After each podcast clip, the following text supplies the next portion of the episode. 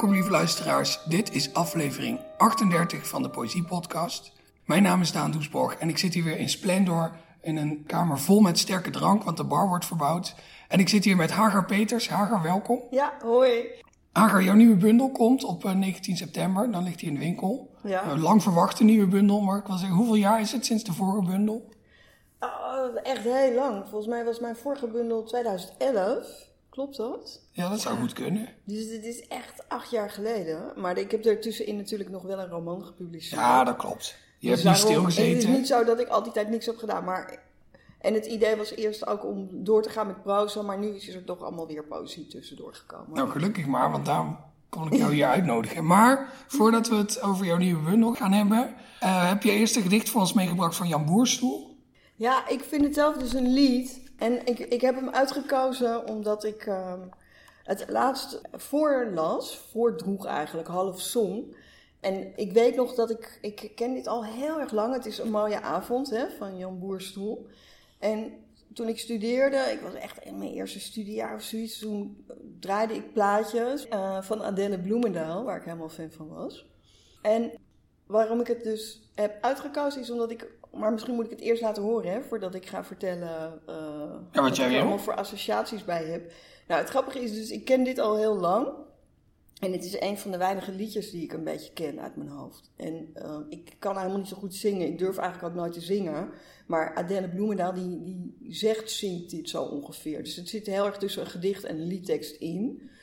En ik weet ook nog heel goed hoe ik dus op de grond van die, op die studentenkamer eh, hierna aan het luisteren was met een vriendin van mij. En ik weet ook nog dat ik het een keer bij Poetry International heb eh, voorgedragen, omdat Erik Menkveld toen ook aan mij vroeg om een gedicht voor te dragen. En dit kende ik toevallig uit mijn hoofd. En Erik Menkveld is dood. En eh, ik herinner me ook nog dat ik het bij een feestje van Herman Franke, toen zaten we met z'n allen aan tafel. En ik weet ook nog dat Ilja Vijver er was en we gingen daar eten. En toen zeiden we ook voor de graag van, nou, wie wil er nog een gedicht doen? En toen ging ik ook dit gedicht doen. En ik zie dus ook nu weer die tafel vormen met iedereen en de gezelligheid. En ook Herman Franke is dood. En die vriendin trouwens waarmee ik naar dit nummer luisterde destijds, die zie ik nooit meer, weet je wel. Dus het, gaat, het is een soort vergankelijkheid. En het gaat niet alleen om de inhoud van dit lied, wat een heel droevig, prachtig soort van levenslied. Het is eigenlijk een heel treurig lied. Maar ik heb het eigenlijk niet eens alleen vanwege de inhoud gekozen, maar ook vanwege alle associaties, alle herinneringen die ik bij dit lied heb. En waarom ik het voor nu heb gekozen, is dat ik een paar dagen geleden bij liep ik met een vriend op het eh, Milkshake Festival eh, op de Westergasfabriek hier in Amsterdam. En we waren een beetje zo aan het zingen. En toen kwam opeens een mooie avond kwam weer boven drijven. En terwijl alle gelukkige stelletjes daar eh, met hun gestrijpte kousen en hun, hun, hun grappige uiterlijk daar rondliepen. En waren wij dus aan het zingen. En ik dacht van, dat vind ik leuk om te laten horen. Dus alleen, ik ken het dus als lied. Ik heb het dus, mijn eerste aanraking met dit gedicht, of mijn eerste kennismaking ermee, was dus niet via het lezen ervan, maar het horen. En ik ken het dus ook op de manier waarop Adele Bloemendaal het zong. Dus ik ga gewoon doen. En ik heb het sindsdien ook niet meer beluisterd, sinds dat ik twintig was. Wat dus ook gewoon weer echt heel, heel lang geleden is. Dus ik ga het gewoon nu zingen zoals ik het me herinner. Is dat een goed idee of niet? Een heel goed idee. Oké. Een mooie avond. Een mooie avond, maar je komt vannacht niet thuis. En morgenochtend ga ik daarmee leren leven. Weer geworden wat je altijd bent gebleven. Een man alleen met bezigheden buitenshuis. En zo komt sprakeloos een eind aan ons gevecht. En zelfs geen ruzie om de stilte te verbreken. Want tussen ons is denk ik alles wel gezegd. Een mooie avond om de flessen aan te spreken. Een mooie avond om de brieven die je schreef nog eens te lezen, al die hete metaforen die je bedacht over mijn ogen en mijn oren en die je ook wel dacht, maar waar het dan bij bleef. Mijn eigen dichter, wat betekende je veel? Maar na vanavond zal ik niet meer om je treuren, want met de jaren liet je bitter weinig heel. Een mooie avond om eens fijn te gaan verscheuren. Een mooie avond om te denken aan geluk. Dat we niet vonden en misschien niet vinden mochten. Want God mag weten of we wel voldoende zochten. Maar schuld of geen schuld, uit is uit en stuk is stuk. In het begin leek zoveel toekomst nog te geven. En voor de rest gingen we voortaan samen zorgen tot ons de dood. Maar kijk, ik leef, ik leef nog steeds. Een mooie avond om de cavia te worgen. Nou, dit was niet helemaal op zijn Adele Bloemendaliaans, moet ik toegeven. Want zij doet heel erg van, heel echt die air, weet je wel. Dus ik zat me nu toch in te houden eigenlijk. En waarom denk je dat je je in zat te houden? Ja, ik, wil, ik wil me ook wel nog een keer doen. Echt toch, toch van, oh, dit wordt opgenomen. Dit kunnen de mensen later luisteren. Misschien klinkt het hartstikke vals, weet je wel. Toch gewoon een beetje wat je niet hebt als je op straat loopt, zeg maar. Ja, maar je, je kiest er ook niet voor om het gewoon voor te dragen als, als een gedicht. Nee, omdat het dus... Het mooie eraan vind ik dat het zo... Het, dit is hoe ik het destijds hoorde. En waarom het zoveel indruk maakte. Juist die, ja, de muzikaliteit. En het, het is wel echt een lied ook.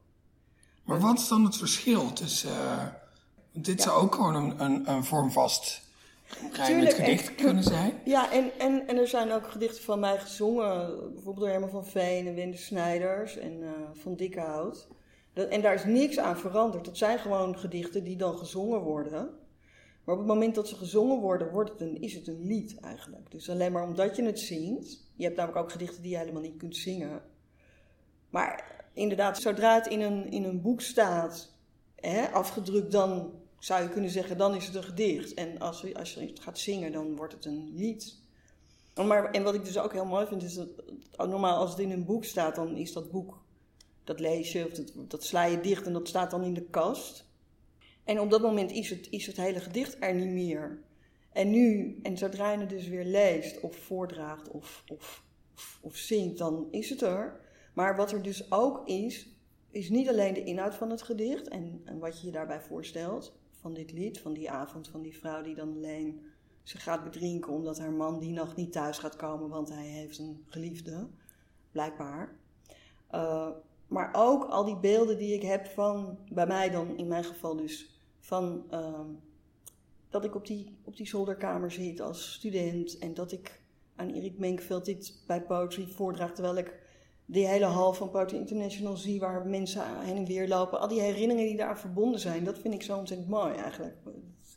Dat het eigenlijk allemaal tegelijkertijd. En nu, nu na dit gesprek is er nog weer iets bijgekomen. Namelijk dat ik me herinner dan dat ik met jou het hier over gehad heb. En natuurlijk herinner ik me bij jou ook weer allerlei optredens en momenten dat ik jou weer je gedichten hoorde voordragen en zie ik dat weer voor me. Maar je hebt zelf bijvoorbeeld ook wel vaker in je bundels, en in ieder geval ook in je volgende uh, bundel, gedichten die je dan bijvoorbeeld liedjes genoemd hebt. Ja. Maar ik wil, ik wil natuurlijk niet flauw doen over oh, wanneer, wanneer is iets een lied en wanneer is iets een gedicht. Maar die twee dingen bestaan natuurlijk wel naast elkaar. En er zit ook wel een soort overlap tussen. Dus wat, zeg maar, wat gebeurt er in een gedicht waardoor jij denkt, oh, dit, uh, dit moet misschien een liedje noemen? Nee, maar ik heb bijvoorbeeld ook een gedicht liedje genoemd, wat helemaal geen liedje is. Maar wat gaat over waar liedjes altijd over gaan. En dat, dat begint ook met, ik wil je omdat je me niet wil en je... En je je wilt me niet omdat ik je wil en wil je me maar, oh wilde me maar, wilde me maar elkaar, zo eindigt het. Maar dan zijn het allerlei variaties op het elkaar willen, die steeds niet kloppen. En dat is eigenlijk een soort samenvatting van het grootste deel van de liedteksten. Dus, maar nu weet ik even niet meer wat, wat je vraag was. Waarom, wanneer ik een gedicht zelf een liedje noem in mijn eigen bundel. Ja, ja juist niet dan... als het dan een liedje is, want dan vind ik het te voor de hand liggend. Eigenlijk als een gedicht geen liedje is, noem ik het een liedje. En andersom. En ik heb nu ook in die nieuwe bundel die komt, die is vrij zwaar, vrij ernstig. Bijvoorbeeld een heel lang gedicht over uh, die afschuwelijke affaire uh, van de vader die zijn eigen dochter 24 jaar in een kelder gevangen hield. Uh, Jozef Frietsel met zijn dochter in Ween, of vlakbij Wenen in Amsterdam. En ik was daar in de tijd dat dat speelde. Toevallig had ik een residentie daar in Wenen. En het gaat over um, de vergelijking tussen de alleenstaande moeder en de schrijver en zo. Dus het zijn best soms zware thema's. Maar er zit één lichte afdeling in. En die heet de gesproken chansons. Dus het zijn chansons die je normaal zingt. Maar net als wat jullie daar net gehoord hebben. Ik kan dus niet echt zingen. Dus bij mij worden het dan gesproken chansons. En dat vind ik gewoon heel leuk. Daardoor het, krijg je een soort lichtheid, speelsheid, snelheid. Het is een hele goede manier om de zwaarte van het leven even op te lichten. En het is leuk en het is melodieus. En, het is, en ik ben natuurlijk begonnen, uh, begonnen maar, maar toen ik. Mijn allereerste optredens waren. Toen heette ik rapdichter. Hè? Ik was eigenlijk een soort kruising tussen een dichter en een rapper. En dat zit eigenlijk ook al tussen. Dat, dat, dat, dat ritme van de rap is ook heel uh, belangrijk. Dus ik heb altijd een beetje ertussenin gezeten. Altijd een soort ambivalente dichter ben ik geweest wat dat betreft. Ja, want je zegt een, een soort lichtheid geven aan iets wat helemaal niet licht is. Dat is natuurlijk eigenlijk wat Boersel ook doet in deze tekst. Het is ja. voor, een, voor een, Nou ja, er zijn wel heel veel uh, liedjes die over niet vrolijke onderwerpen gaan. Ja. Maar het is wel een hele rare boerstoeliaanse tekst met die cavia die er ineens... Uh... Maar die wordt geworgd, hè? Ja. Niet gewurgd, maar geworgd. vind ik nog mooier. En als je zelf ouder bent en je hebt kinderen en je hebt cavia's, dan weet je precies wat dat, wat dat is. Dat gevoel? Dat je denkt zo, en nu draai ik zijn nek af. nee, helemaal niet. Maar je kunt je verplaatsen in ouders die dat denken. ik denk alleen maar, oh wat zijn ze toch schattig, net als jij met je kat. Nee, maar ik, het, het, is gewoon een heel mooi beeld. Het is natuurlijk een toppunt van gruwelijkheid. Dat je dan. Uh, daarmee door dit beeld, of door die, die laten zien, geef je inderdaad aan dat het iemand is die getrouwd is, die kinderen heeft. Die zich helemaal in zo'n leven genesteld heeft. En helemaal gehoopt heeft dat dat het dan is. Het is natuurlijk heel klassiek. Uh, wat eigenlijk bijna nooit, niet nu ook. Dit is ook natuurlijk ergens heel ouderwets dat soort huwelijken bestaan al bijna niet meer. Dus het is echt iets uit de oude doos bijna, dit, dit lied van Jan Boerstof. Het is ook gezongen door Adele Bloemendaal, die zelf ook dood is. Dus huwelijken nu zijn waarschijnlijk heel anders. Maar het heeft het ouderwetse klassieke thema natuurlijk van de bedrogen echtgenoten die uh, de cavia gaat wurgen. En dan heet het een mooie avond. Ja. Je moet het, je ja, dat het er wel na, die Dat vind ik heel erg mooi, ja, die herhaling van een mooie avond en dan alles. Ja, het werkt, ja, ik, wat, hoe vind jij het zelf? Ik vind het ook heel goed werken, inderdaad. En uh, ja, ik kan me daar eindeloos, uh, nou ja, vrolijk is misschien niet het goede woord, maar ik kan me daar eindeloos om amuseren dat hij dan inderdaad zo'n zo'n gedicht een mooie avond ja. noemt. Ja. Terwijl het gaat natuurlijk over best wel een vervelende avond voor de ik in het gedicht. Ja, ja. En dan zo slotzin met die cavia ineens. Ja. Het is inderdaad een beetje oudbollig, maar tegelijkertijd is het ook heel gedurfd. Ja, ja, is, ja. En ik moet nu ook trouwens grappig genoeg denken uh, aan... Uh, ik heb die roman geschreven verder tussenin over de dochter van Pablo Neruda. En ik heb natuurlijk heel veel gedichten over van Pablo Neruda gelezen. En die schreef ook heel veel over de avond. En die heeft ook een gedicht over, bedenk ik nu pas... Maar een van zijn beroemdste gedichten, die, um, die luidde ook iets van... Puedo escribir los versos más tristes esa noche. En hij zegt het zo heel nasaal puedo escribir uh, lo más triste esa noche of zoiets. Maar ik zou het eigenlijk even moeten opzoeken wat ook weer precies de regel is. Maar Peters knijpt nu haar neus dicht. en wat betekent die regel dan? Dat betekent van, uh, ik zou vanavond de meest trieste gedichten kunnen schrijven. En zo'n soort avond is dit dus ook. Maar het is ook een zin die en dit is een heel beroemd gedicht van Neruda, dat zo hè, begint. En wat hij inderdaad heel nasaal voorleest. Ik heb ergens een plaat waar hij dat doet. Maar het was ook een regel die. Mijn vader heeft ooit in, in Bolivia, nog jaren voor ik geboren werd, als, werd gedacht dat hij een soort guerrillero was, een soort uh, vrijheidsstrijder. En hij is toen in de gevangenis gegooid in Bolivia. En deze regel stond in zijn gevangeniscel van Paulo Neruda. Dus ik heb het ook gelezen in een dagboek wat hij geschreven heeft, hè, van mijn vader. En ik ken het nog uh, van Neruda zelf, maar het, het, hele beeld. En ik, zie dan ook inderdaad al die gevangenenvormen die dan, weet je, je zal maar heel lang in zo'n gevangeniscel zitten. Dan is iedere avond natuurlijk uh, de avond waarop je de allermooiste, of eigenlijk de meest trieste versen, die tegelijkertijd dan ook waarschijnlijk de mooiste versen zijn, zou kunnen schrijven. Het is wel iets met de avond. En ik schreef vroeger trouwens altijd s'avonds ook, s'nachts. Maar nu niet meer? Uh, nou, ik heb nu al een tijdje een uh, zoontje. En dan, uh, het is heel moeilijk om je eigen ritme te houden als je een kind hebt dat om zeven uur alweer wakker is en zo. Dus dat, dat, dat is wel veranderd. Ik kan nu niet meer tot diep in de nacht schrijven, want dan ben ik de hele dag geradbraakt als ik dan de volgende ochtend weer om 7 uur moet opstaan. Misschien dat ik het over een tijdje weer kan, maar nu inderdaad niet. Maar ik vind de dag niet iets om. Ik vind de dag eigenlijk een slechte tijd om te schrijven. Om te denken. Het mooie van de nacht vind ik altijd dat je alleen bent eigenlijk. Maar het is toch gelukt om een nieuwe bundel te maken. Uh, ondanks dat je overdag moet schrijven nu. Nee, dit, weet je wat zo grappig is? Want ik heb, ja, het gedicht wat ik nu heb uitgekozen hè, om zelf, wat van mezelf is, om hier voor te lezen, dat is het allerlaatste gedicht dat ik geschreven heb. En dat heb ik dus wel s'nachts geschreven. Namelijk, ik, ik lag al te slapen en ik werd wakker. En opeens uh, bedacht ik dit gedicht. En dat heb ik heel af en toe. En dan, dan ga ik gauw naar een uh, opschrijfboekje en een pen. Half slaapdronken zoek ik dan iets bij elkaar. En schrijf ik het op, hè.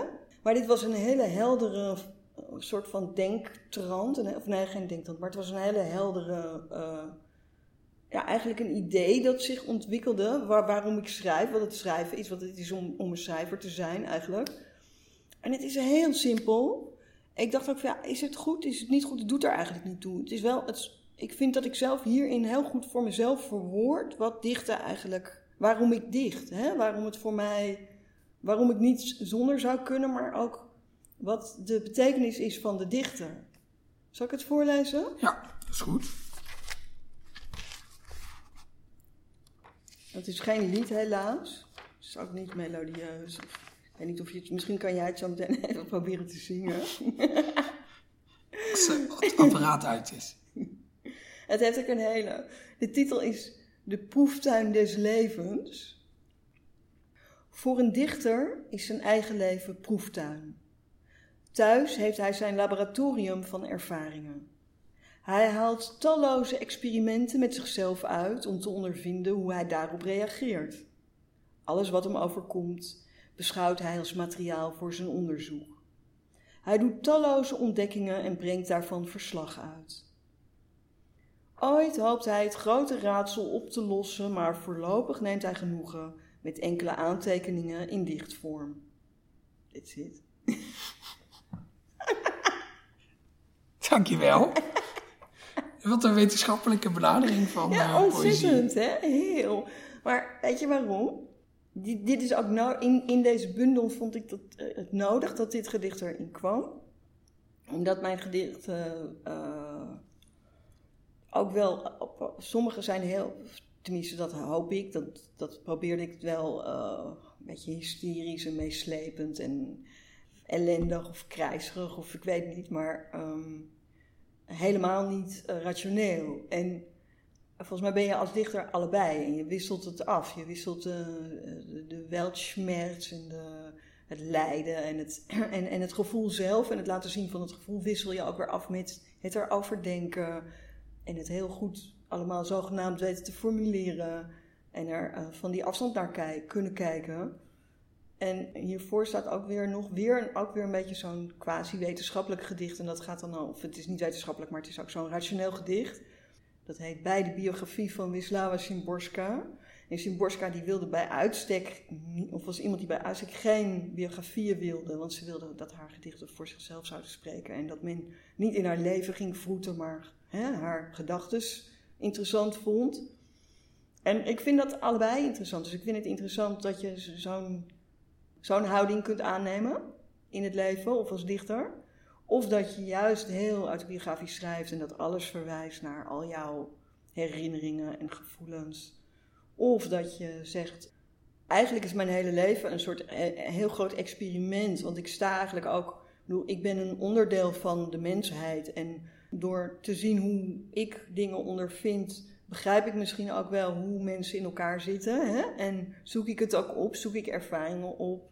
En eigenlijk is het ook zo dat, dat dichters uh, voortdurend verslag willen uitbrengen van al hun ontdekkingen die ze alsmaar doen. Zo kun je het ook natuurlijk zien. En dat ze uiteindelijk alles willen begrijpen, maar dat lukt niet. Dus ze nemen genoegen met een soort van aantekeningen in de marge. En dat zijn dan hun gedichten, weet je wel. Dat, zijn, dat is wat er dan overblijft aan gepriegel en aan uh, bijdrage aan, aan het begrip van de werkelijkheid, die niet doorgronden is, hoe dan ook.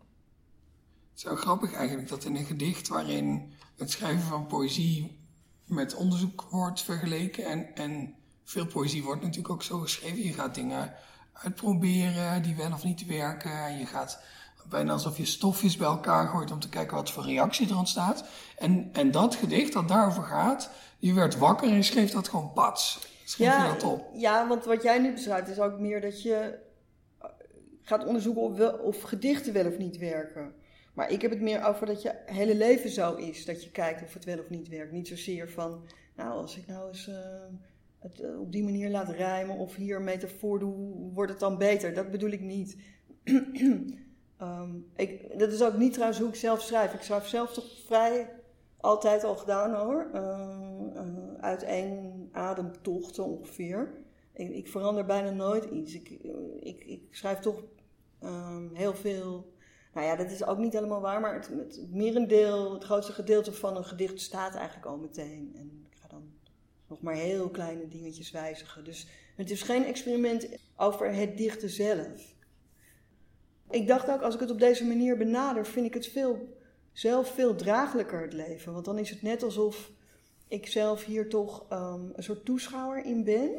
En ook als je dan verschrikkelijke dingen meemaakt, dan kan je altijd nog denken van ja, maar dat is dus wat mensen kan overkomen. En uh, dit is hoe de wereld in elkaar zit. En als je het op die manier opschrijft, op een bepaalde manier, dan is het bijna een soort weergave van alles wat er mogelijk is. Of wat, er, wat, wat een mens kan overkomen, zoiets.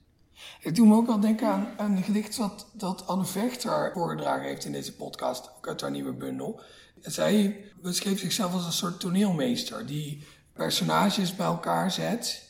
In haar leven ook. En dan kijkt wat er, uh, uh, wat er gebeurt. Ja. Ja, daar heb je verder niks aan dat ik dat zeg. Maar dat deed, deed me aan denken. Maar dat doet ze in haar leven of in die gedichten deed ze dat? Dus ja, dat is, uh, dat is een goede vraag. Dat zou ik terug moeten luisteren. Of we nou uiteindelijk tot de conclusie kwamen dat, hè, zoals jij zegt, of het, is, het, is het gedicht nou het experiment? Ja. Of is het leven het experiment en het gedicht is daar het verslag van? Ja. Ik denk dat het bij Anne allebei tegelijk is. Maar jij zegt inderdaad, het, het, leven is een soort experiment. En ik, ik doe daar verslag van. En, die, en ik hoop dan dat het een soort uitgewerkt verslag wordt. Maar het blijft bij rommelige aantekeningen en dat zijn de gedichten. Nou, ik, ik hoop niet dat het een uitgewerkt verslag wordt. Ik hoop natuurlijk het grote, zogenaamd dan. Hè. Ooit hoopt hij het grote raadsel op te lossen. Dat is de grote levensvraag. Dat, er zit ook een soort ironie in, want je weet natuurlijk nooit dat je dat raadsel gaat oplossen. Dus, dus neemt hij maar genoegen met uh, de kleine uh, aantekeningen in dichtvorm, weet je wel. Dat, het is ook, je weet toch wel uh, dat je eigenlijk nooit ergens achter komt. En het is ook zo, je kunt je ook afvragen, um, is het leven een groot experiment van jezelf of ben jij onderdeel van dit enorme experiment? En heb je, heb je het maar te ondergaan, weet je wel? In hoeverre ben je inderdaad een toneelmeester in het toneel van jouw eigen leven? Waarschijnlijk ben je dat maar heel beperkt. Misschien ben je wel een figurant. Ja, je bent waarschijnlijk een figurant in je eigen leven. Maar als je, dat, als je jouw rol als figurant dan, uh, als je opschrijft wat jij ziet als figurant in jouw leven, maak je je rol toch weer groter doordat je het zwart op wit laat bestaan. Hè? Je laat je, je er komt een soort iets blijvends. Terwijl jij verdwijnt, jij bent een figurant, jij gaat weer van het toneel af. En, en ook, dat dacht ik ook met het gedicht van Boerstoel het lied. Al die herinneringen die ik heb aan alle keren dat het eh, werd gezongen of voorgedragen of dat ik het hoorde. Al die momenten die zijn natuurlijk verdwenen. Uh, en het gedicht is gebleven. Maar eigenlijk bestaat het gedicht ook wel weer alleen maar voor mij bij bij de gratie van al die herinneringen die ik heb aan het, er, hè, het voordragen ervan. En zo is dat misschien ook wel uiteindelijk bij de figurante rol die je in het leven speelt. Dat je dood bent straks. En dat um, je nog een paar gedichten hebt geschreven. En op zich zijn die gedichten ook niet eens zo ontzettend belangrijk. Maar um, de herinneringen die mensen hebben bij het lezen van het gedicht wat jij toen had geschreven, bijvoorbeeld, of uh, de associatie die ze hebben bij iets wat jij toen had gedaan. Of, of de herinnering die ze hebben aan iemand anders die daarop leek. Misschien dat het alleen maar dan opstaat en, en er weer is. Weet ik niet hoor, zit ik nu ook maar te verzinnen. Maar vind ik wel, die gedachte vind ik ergens wel mooi. Wat ik ook opvallend vond, we hebben het nu heel erg over dit gedicht, alsof daarin jouw visie op, op het leven en op Ja, het dichterschap uh, uiteen wordt gezet. Ja. Maar de dichter in dit gedicht, die, dat is een hij. Ja, leuk hè? Ja, heb je dat, heb je dat opzettelijk gedaan? Of, eh, Heb ik op, want ook ehm, mijn bundel heet ook De Schrijver is een alleenstaande moeder. En ik heb er dus niet van gemaakt de dichteres of de dichter of de schrijfster is een alleenstaande moeder. Ik heb het juist die twee grootheden, zou je kunnen zeggen, de dichter en de, en de, de alleenstaande moeder, heb ik gelijk, gelijk aan elkaar geplaatst. En ook omdat ik wil er iets, de universele eh, dichter mee uitdrukken. Dus daar vallen ook alle dichteressen onder en alle... Ik wil dat hele onderscheid tussen mannen en vrouwen, daar wil ik daar niet in hebben. ik vind het zelf ook onzin om een, een vrouwelijke dichter een dichteres te noemen hoor. Of een vrouwelijke schrijver een schrijfster. Maar in jouw ja, gedicht zeg je niet. bijvoorbeeld, hij haalt talloze experimenten met zichzelf Ja. uit. Dus dan, je kiest wel het mannelijk voornaamwoord. Ja, ik stelde me ook echt, omdat dat ook het clichébeeld bijna is van zo iemand die dan dat soort experimenten uitvoert. Dat is toch bijna, zo'n laborant is toch ook eigenlijk bijna altijd een soort jongen of een man. Dus ik wilde expres dat beeld van die man die dat dan aan het doen is, die onderzoeker, ehm, ook voor mezelf gebruiken. Omdat, en ik mag dat doen, want ik schrijf het. Dus eigenlijk incorporeer ik nu deze laborant en in mijzelf. Maar, ehm, maar ik was in Duitsland en toen zei die vrouw die mij interviewde: "Wa- Wat irritant van jullie Nederlanders dat jullie het allemaal vermannelijken. Want wij hebben dus wel ehm, die dichterin en de eh, schriftstellerin. Zij hebben dus allemaal wel die vrouwelijke vorm. En, en, eh, en zij vertaalde dus mijn, die nieuwe dichtbundel die daar aankomt ook met de dichteres is of de schrijfster is een alleenstaande moeder. En dan, ik vind dus dat je dan. Ik, ik wil dat helemaal niet uit feministische. het is helemaal niet om. eh, omdat ik denk dat als er schrijfster zou staan, dat mensen meteen zouden denken: oh, dat is een vrouw die dit geschreven heeft, dus is het minder belangrijk of minder interessant. Dat denk ik niet. Maar ik wil het overkoepelende woord eigenlijk. Ik wil eigenlijk een soort onzijdig woord ervoor hebben. En er zit nog iets achter bij dat. Ook nog het idee achter deze die, di- nieuwe dichtbundel is ook dat. Ik zou eigenlijk ook dat gedicht willen voorlezen, dat, dat laatste gedicht, dat, wat het titelgedicht is. Omdat ik daarmee ook wil duidelijk maken wat dan de overeenkomst is tussen een alleenstaande moeder en een schrijver. Maar ik moest ook heel erg aan Moelis denken, die in Voer voor Psychologen eigenlijk zijn schrijverschap helemaal verklaart vanuit zijn eigen leven en andersom. En het is zowel autobiografisch als eh, anekdotisch, als, als reflexief, als aforistisch. En het verintellectualiseren eigenlijk van je eigen leven vind ik heel leuk, vind ik interessant, vind ik leuk hoe Moelis dat doet. En, en dat wilde ik eigenlijk ook proberen te doen met een thema wat eigenlijk helemaal niet bekend staat om als een soort intellectueel thema, namelijk het alleenstaand moederschap. Ik wilde dat een soort van intellectuele allure geven. ja, het klinkt zo stom, maar ik vind het heel grappig zelf. Ik vind, ik vind het idee erachter heel grappig. De schrijver is een alleenstaande moeder zoals hij, bij zichzelf een woord, opwekt de weeën weer klinken in hem als de echo van een ander.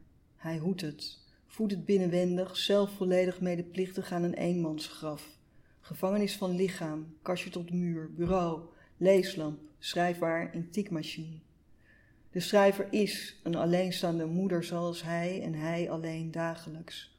Opstaat, zorg draagt, de wereld buitengesloten, lot dat voortraast zonder hem aan de zijlijn van de werkelijkheid. Graaft naar waarheid, naar wat openbaarheid. Hij moet van zichzelf, want niemand anders doet het hij kan. Die verantwoordelijkheid voor wat het zijne tegenover deze wereld is niet afschuiven in peignoir achter de half gesloten gordijnen. Dankjewel, Hager Oké, Peters. Graag gedaan. Dit was aflevering 38 van de Poëzie Podcast. Die wordt gemaakt door mij, Daan Doesborg, in samenwerking met de Stichting Literaire Activiteiten Amsterdam en Vrij Nederland. Eh, Deze podcast wordt opgenomen in het prachtige Splendor, waar ze dus binnenkort een gloednieuwe bar hebben. Eh, ga die allemaal bewonderen. Eh, bij deze aflevering verschijnt een artikel van mijn hand op de site van Vrij Nederland. In de beschrijving van deze aflevering staat een link en eh, daar kan je dat artikel lezen. Als je deze aflevering beluistert in iTunes, dan zou je mij er een groot plezier mee doen door daar een uh, positieve beoordeling van deze podcast achter te laten. Dan uh, kunnen nog meer mensen deze podcast vinden en luisteren naar wat bijvoorbeeld Hagar Peters allemaal over poëzie te zeggen heeft. Op 28 september staat uh, Hagar Peters met nog heel veel andere dichters op de Nacht van de Poëzie. Ik ben daar ook om met een aantal dichters te spreken en een, een soort feestelijke Nacht van de Poëzie aflevering te maken. De muziek bij deze podcast wordt gemaakt door Bart de Vrees en wordt ongeveer nu ingestart. Ik zie jullie graag opnieuw bij de volgende aflevering.